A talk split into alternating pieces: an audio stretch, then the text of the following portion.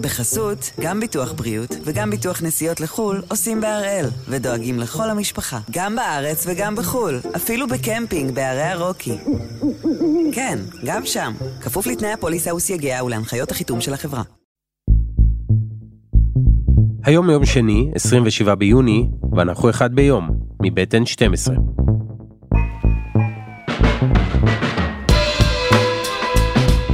אני ירון אברהם, ואנחנו כאן כדי להבין טוב יותר מה קורה סביבנו, סיפור אחד ביום, כל יום.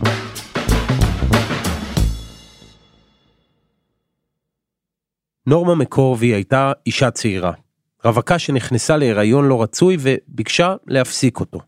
השנה הייתה 1970 ובמדינת טקסס קבע החוק שהפלה שאין בה סכנת חיים לאם היא עבירה פלילית, לא פחות. נורמה, אישה שהגיעה מרקע קשה מאוד ונקלעה למשבר, עתרה בשם הבדוי ג'יין רו, אלמונית פלונית לבית המשפט העליון. הנתבע היה פרקליט המחוז דאז, הנרי וייד.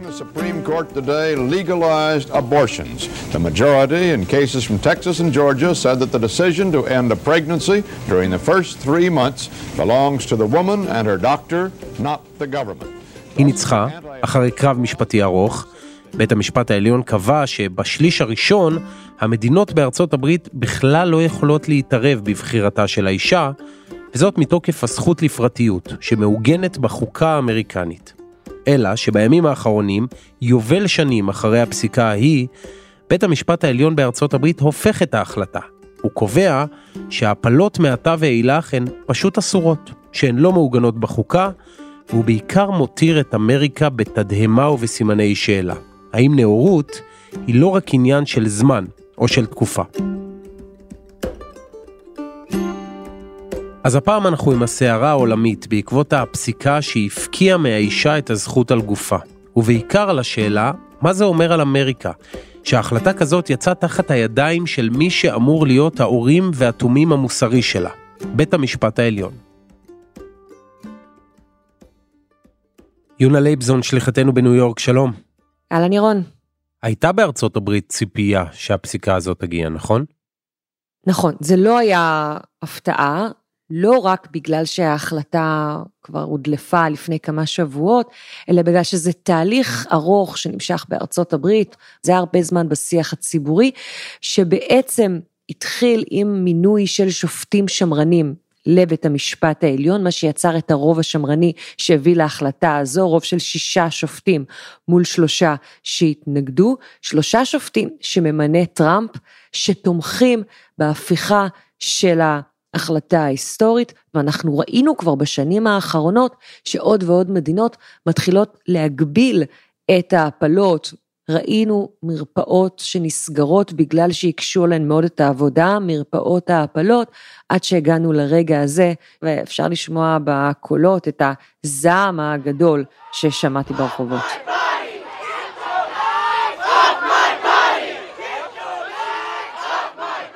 מה בעצם אומרת הפסיקה? מה שהשופטים אומרים הפעם, זה שזה בניגוד לפסיקה שלפני 50 שנה, הם אומרים, אין באמת זכות חוקתית שמגנה על הפלות. והם אומרים, אם אין בסיס להחלטה הזו, ואם אין בסיס חוקתי, אז אנחנו לא יכולים לכפות את זה על כל המדינות בארצות הברית, ומה שהם אומרים בעצם זה שכל מדינה תוכל להחליט באופן עצמאי האם לאסור הפלות ובאיזה היקף, שלבית המשפט אין סמכות להתערב, ולכן מה שנעשה לפני 50 שנה היה ללא סמכות. יונה, יש לפסיקה הזו השפעה כבר בטווח המיידי? אז כן, ההשפעה היא מיידית. כבר בסוף השבוע ראינו מרפאות שתולות אה, שלטים על זה שהן נסגרות, כי החוק במדינה הספציפית הזאת בעצם נכנס לתוקף. יש 13 מדינות כאלה שבהן חוקקו בעבר חוקים שאי אפשר לאכוף אותם, או שחוקקו חוקים שאמרו שייכנסו לתוקף ברגע אה, שיבוטל איסור אה, ההפלות ברחבי ארצות הברית, ויש עוד 13 מדינות, ובסך הכל אנחנו מדברים על 26 שבהם יהיו הגבלות, שבהן או שאנחנו יודעים כבר שיש כוונה לחוקק חוקים, זאת אומרת חיכו לפסיקה הזאת כדי לקדם חוקים כי לא רצו להתעמת עם בית המשפט, מדינות לדוגמה כמו פלורידה שהכניסה לתוקף ברגע שהבינה שבית המשפט לא יתערב חוק שאוסר הפלות אחרי השבוע החמישה עשר, זה ייכנס לתוקף ביולי, אבל עכשיו כבר הודיעו שהם רוצים לקדם חוק שיאסור הפלות אחרי השבוע השישי.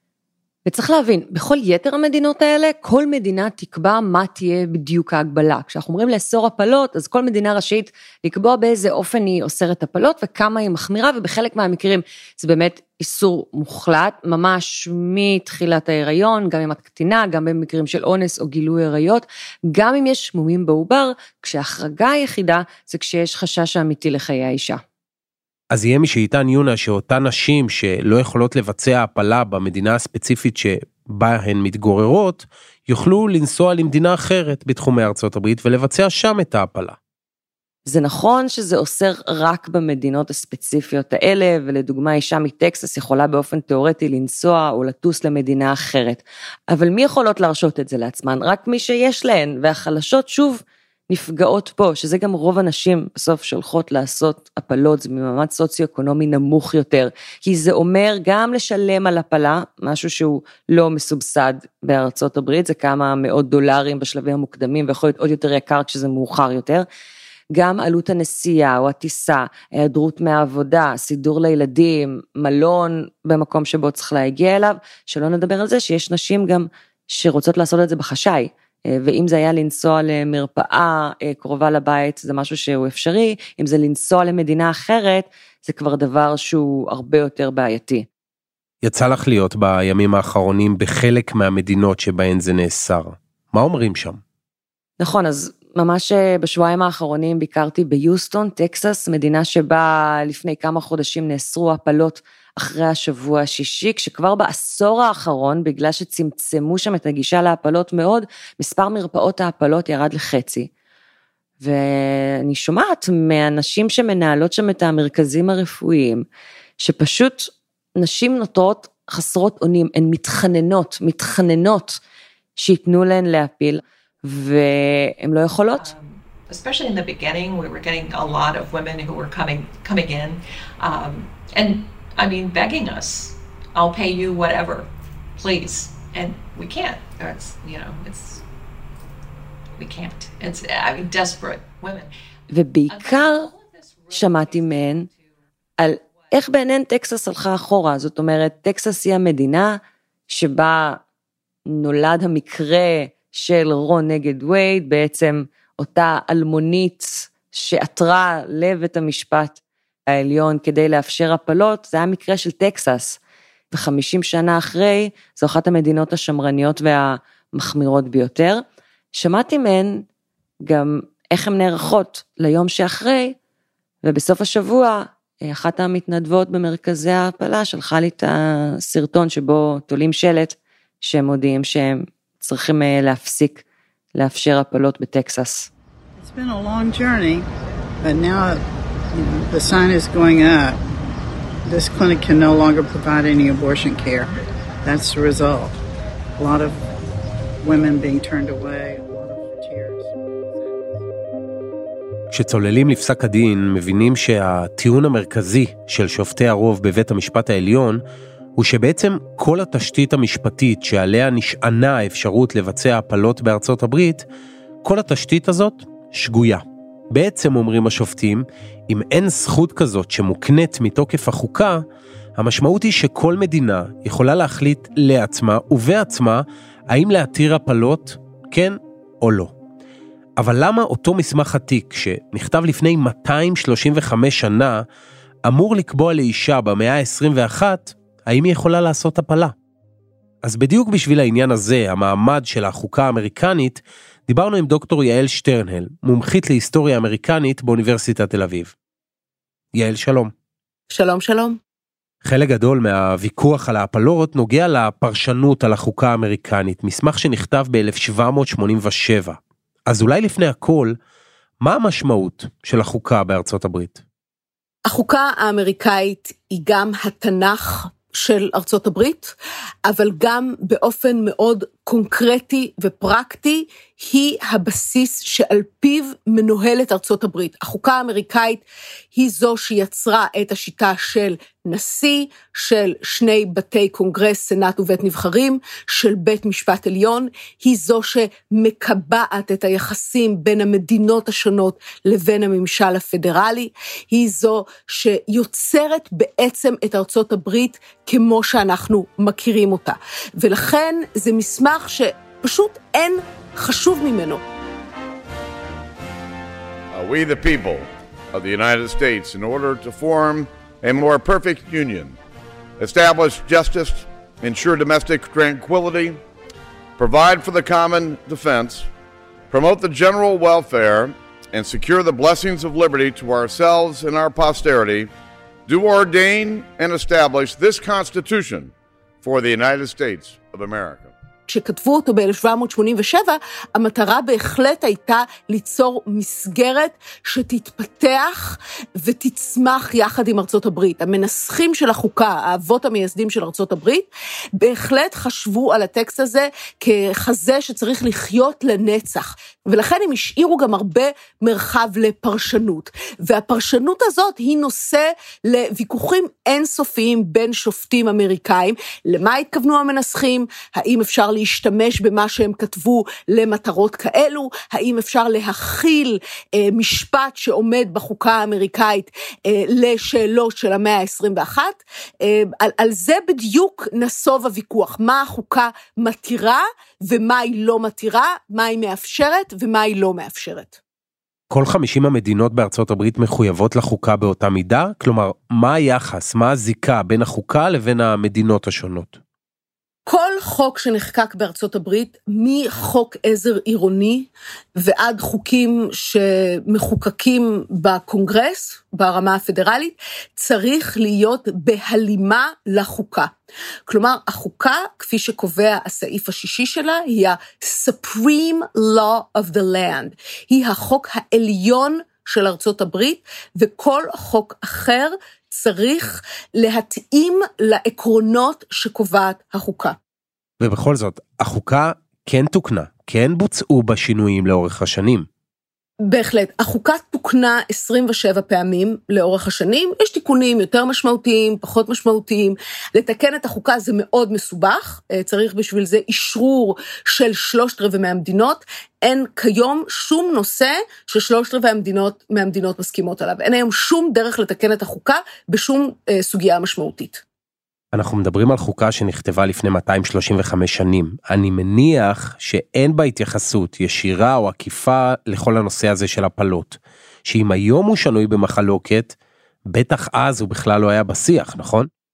ממש לא. הרעיון שאותם גברים ב-1787 בכלל יחשבו על הפלות, הוא, הוא, זה כל כך מנותק מהמציאות, זה, זה, זה כמו לדבר על הרעיון שהם יחשבו על מה יקרה אם יופיעו חייזרים ממאדים.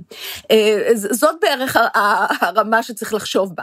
ובפסיקה של 1973, ב-Roe vs. Wade, נקבע שהזכות להפסיק הריון היא חלק מהזכות לפרטיות, ושאי אפשר לשלול אותה מאישה ללא הליך נאות. ומה שאומרים שופטי בית המשפט העליון ב-2022, שזה לא נכון, שהחוקה לא, היה לש... לא מבטיחה בשום צורה את הזכות הזו, גם לא בעקיפין, גם לא במרומז, ולכן לבית המשפט העליון אין שום עניין אה, להבטיח אותה. זה תלוי במדינות. מדינות שרוצות לאפשר הפלות, יאפשרו אותן, מדינות שיאסרו הפלות, יאסרו אותן.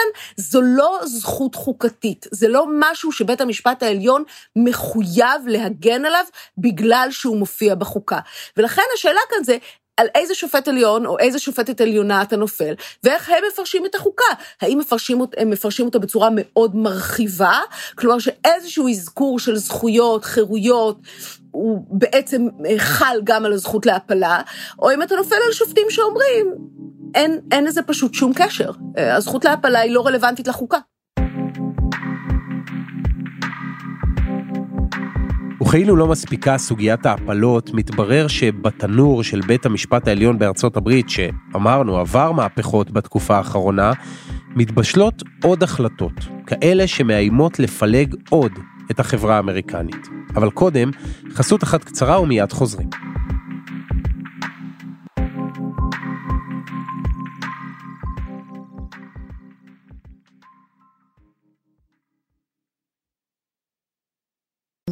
בחסות, גם ביטוח בריאות וגם ביטוח נסיעות לחו"ל עושים בהראל, ודואגים לכל המשפחה, גם בארץ וגם בחו"ל, אפילו בקמפינג בערי הרוקי.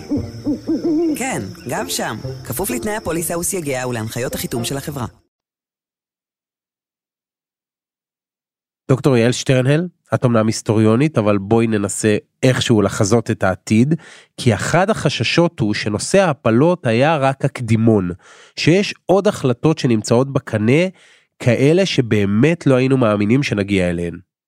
אז מדובר על שלוש החלטות שההיגיון שלהן מושתת על אותו היגיון שעליו הושתתה פסיקת רו, וזה הזכות לאמצעי מניעה לזוגות נשואים, פסיקה מ-1965, הזכות לקיים יחסי מין אה, חד-מיניים, פסיקה מ-2003, והזכות לנישואין בין בני אותו מין, פסיקה מ-2013.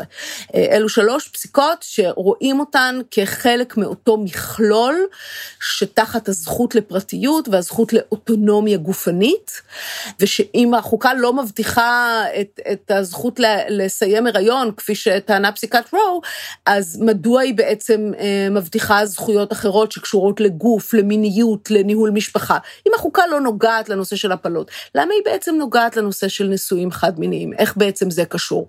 עכשיו, צריך לומר שלחששות האלו נתן אה, דלק מאוד משמעותי השופט האולטרה שמרן, קלרנס תומאס, שהוא באמת הסמן הימני של בית המשפט העליון, גם כיום, אחרי שבית המשפט העליון הצטייד בעוד כמה שופטים מאוד שמרניים, אז אה, קלרנס תומאס, אה, בחוות הדעת שהוא צירף לדעת הרוב, אה, הציע לחשוב מחדש על שלושת הפסיקות הללו, ולתקן את הטעויות שנעשו, כפי שהוא הגדיר את זה, כאשר בית המשפט העליון קבע שלבני אדם יש זכות לקיים יחסי מין עם מי שהם רוצים, ושהממשלה הפדרלית לא יכולה למנוע זאת מהם. קלרנס תומאס היום חושב שזה לא נכון. שגם זה עניין מדינתי, ושאם טקסס רוצה שוב לאסור על אה, גברים לקיים יחסי מין עם גברים, אה, זה עניין של טקסס, ואזרחי טקסס יצטרכו לפתור את זה מול המחוקקים שלהם. את יודעת, דוקטור שטרנל, בעולם המערבי, כמובן גם אצלנו בישראל, נוטים להסתכל על אמריקה כמגדלור ערכי, מוסרי, דמוקרטי. את חושבת שלפסיקה הזאת תהיה השפעה על השיח בישראל, אולי אפילו על ההחלטות, גם אצלנו, גם במדינות דמוקרטיות אחרות? תראה, קשה לי לנבא מה יקרה בישראל, כיוון שטעיתי כל כך הרבה פעמים, אז אני לא אסתכן אה, שוב בנבואה. זה נכון שאנחנו תופסים את אמריקה בתור מגדלור של זכויות ואור לגויים וכולי וכולי, אבל צריך לומר שכשאתה אומר אנחנו, תוציא מהכלל הזה אה, היסטוריונים של ארצות הברית, כי אנחנו ממש לא תופסים את ארצות הברית ככה, ומי שלומד היסטוריה אמריקאית, אה, יודע שארצות הברית יש לה תקופות שבה היא מרחיבה את הזכויות של האזרחים שלה, ויש תקופות שבהן היא מצרה אותה. ואנחנו נכנסנו לעידן של הצהרת זכויות, שיימשך כמה שנים או כמה עשורים. זה כבר קרה בארצות ארצות הברית, ואין שום סיבה שזה לא יקרה שוב, אה, וצריך לקבל את זה, שארצות הברית היא לא בהכרח אותה מדינה שמסמלת רק אה, פרוגרסיביזם וזכויות פרט והתחשבות בזכויות של מיעוטים ונשים. זה ממש לא היה המצב לאורך כל ההיסטוריה שלה, בפרספקטיבה היסטורית זה לא מאוד מפתיע. ובכל זאת, זה האופן שלפחות ארה"ב נתפסת, והתפיסה הערכית שלה היא בטח מאוד משפיעה על מה שקורה פה אצלנו. לתוך ישראל יש זליגה בהרבה שנים האחרונות כבר של רעיונות אה, מתוך הימין השמרני האמריקאי. אה, אנחנו יודעים את זה, גם רעיונות, גם פרקטיקות, גם מוסדות, גם דרכי פעולה, וזה לגיטימי לחלוטין, זה חלק מהעולם הגלובלי שאנחנו חיים בו. אה, האם אני חושבת שבישראל אה, יהיה אי פעם רוב, או יהיה אי פעם איזה עניין מיוחד אה, בלאסור על נשים להפסיק הריון? אני לא רואה את זה. היהדות מתירה לנשים להפסיק הריון, גם האסלאם אגב, מתיר להפסיק הריון. הסיפור הזה של הפסקת הריון כרצח, אלו רעיונות נוצריים. שאני מאמינה שהם זרים למנטליות הישראלית, ושיהיה קשה מאוד לייבא אותם לכאן. האם אני אטעה? ייתכן שאני אטעה, ואז יתחיל כאן אה, עוד מאבק אה, גם על השאלה הזו. אבל כרגע קשה לי לראות את, אה, את הציבור הישראלי מתגייס לטובת הרעיון של בחורה בת 17 שנאנסת ולא רוצה ללדת בגיל 17 ולראות את החיים שלה נהרסים, אסור לעשות זאת. אני, אני פשוט לא רואה את זה הופך להיות איזה עיקרון אורגני שישראלים מוכנים להילחם עליו. שמענו את ההצהרה של הנשיא ביידן מיד לאחר פרסום ההחלטה. Now, with Roe gone, let's be very clear. The health and life of women in this nation are now at risk. It was three justices named by one president, Donald Trump. זה ברור שבבית הלבן התכוננו לזה הרבה זמן, הם הכינו את הנאום שלו מראש.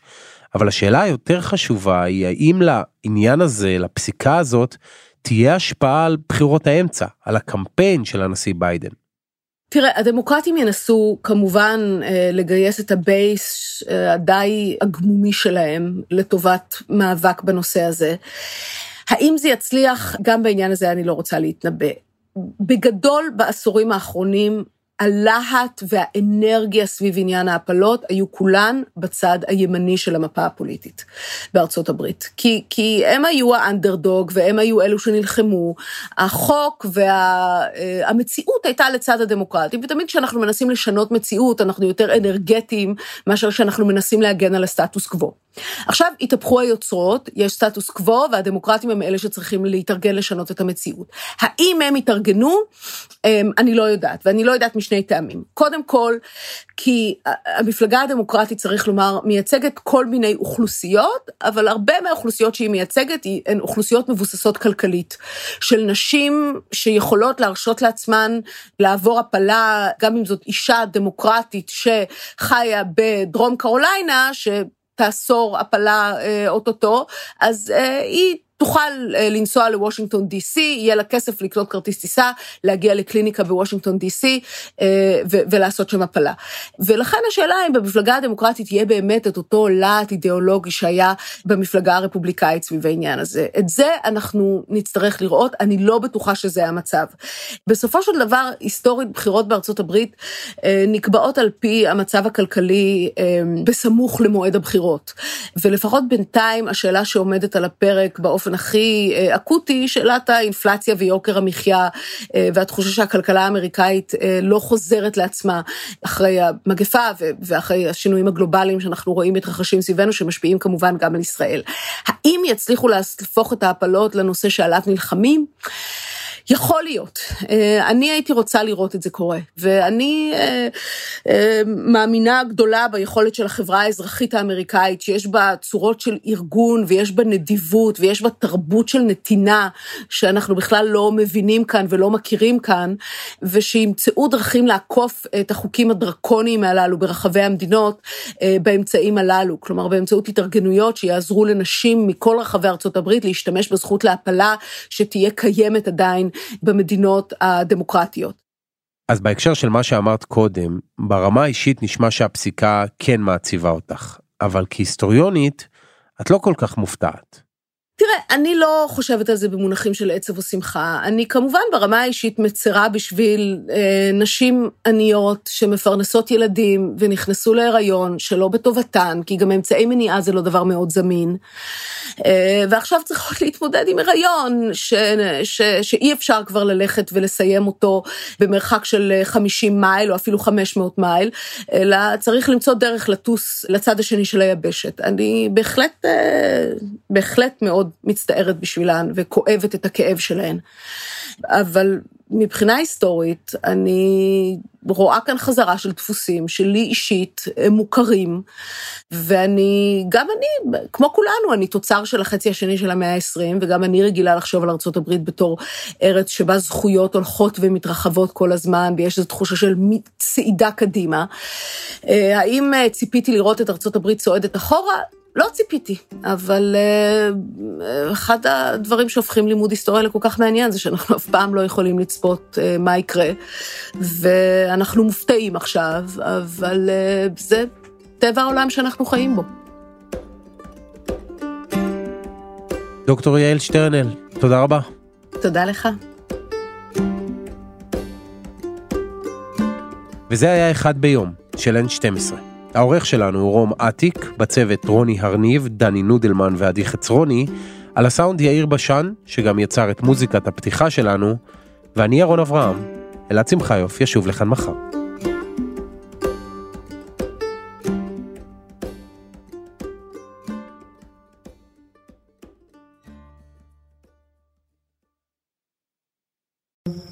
בחסות, גם ביטוח בריאות וגם ביטוח נסיעות לחו"ל עושים בהראל, ודואגים לכל המשפחה, גם בארץ וגם בחו"ל, אפילו בקמפינג בערי הרוקי.